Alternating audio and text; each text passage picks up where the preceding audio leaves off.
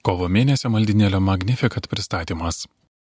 Mėly maldinėlio skaitytojai ir Marijos radio klausytojai jau visai įsibėgėja gavėnę.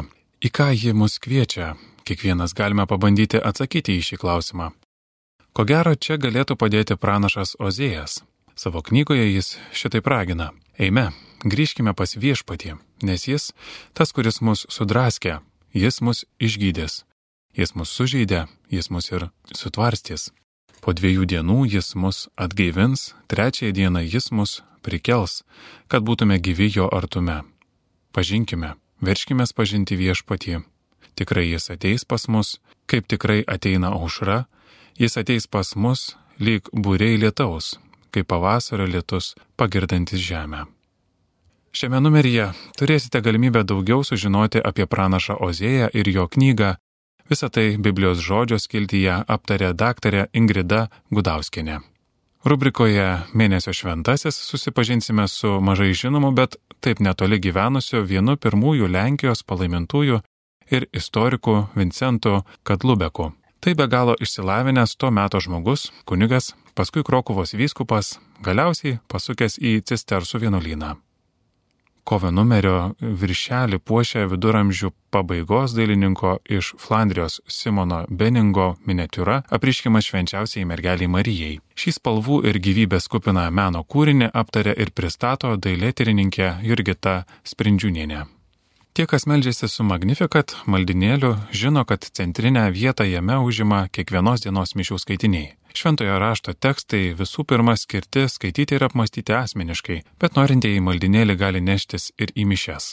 Apie tai, kam skirti ir kaip naudotis šiais ir kitais maldinėlyje pateikiamais šventųjų mišių tekstais, trumpame straipsnelyje Kaip naudotis Magnificat. Kartu su popiežiumi šį mėnesį melžiame viešpaties artumo ir žmonių jautrumo prievartą bažnytinėse bendruomenėse patyrusiems asmenims, kad ir jų dikumoje atsirastų gaivos. Tikimės, kad ir popiežiaus pranciškaus žodžiai iš enciklikos Fratelli Tutti padės apmastyti artimo meilės atleidimo, dialogo ir tiesos paieškos temas, tokias artimas gavėnios laikui. Girdime, kad pranašo žodžiais viešpats kviečia į savo artumą, kiekvieną savitų būdu, net kai einame per dykumą. Nes pasak šviesos atminties kunigo Kestučio Trimako, dykuma arba užgrūdina, arba sužlugdo Joje nebegali remtis tuo, kas žmogiška. Nebegali ieškoti savęs, nes prarasi. Te gali leistis būti atrandamas. Tad leiskime viešpaties atrandami visokiausiose savo gyvenimo dikumuose, kad galėtume kartu su juo pereiti iš sausros į pavasarį. Eikime, grįžkime pas viešpatį.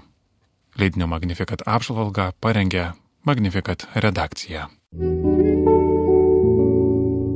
Naujame žodžio tarp mūsų kovo balandžio numeryje skaitytojai kviečiami visą gavėnę kasdien mokytis Kristaus maldos mokykloje. Kaip dėrėtų melstis, ko maldoje reikėtų prašyti, mus moko pats Kristus. Šventajame rašte jis įtikimiausias ir paveikiausias maldos pavyzdys. Kristus melsdavosi nuolat. Žodžio tarp mūsų straipsneliuose apmastomos trys itin svarbios jo maldos užrašytos Evangelijose. Pirmoji - Tėve mūsų malda, kurios Jėzus išmokė savo mokinius.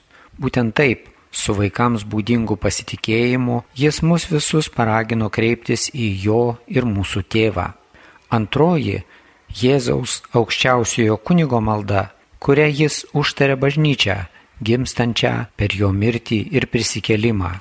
Trečioji - Jėzaus malda Getsemanėje, kurioje kančios ir mirties akivaizdoje jis sustiprintas šventosios dvasios, priima tėvo valią. Be to, žodėje tarp mūsų tęsiami psalmių apmąstymai. Rašoma apie dėkojimo Dievui psalmes ir aiškinama, kaip suprasti psalmininko maldoje vis nuskambantį keršto troškimą. Kuo šie kerštingi šūksniai turėtų tapti krikščionio maldoje?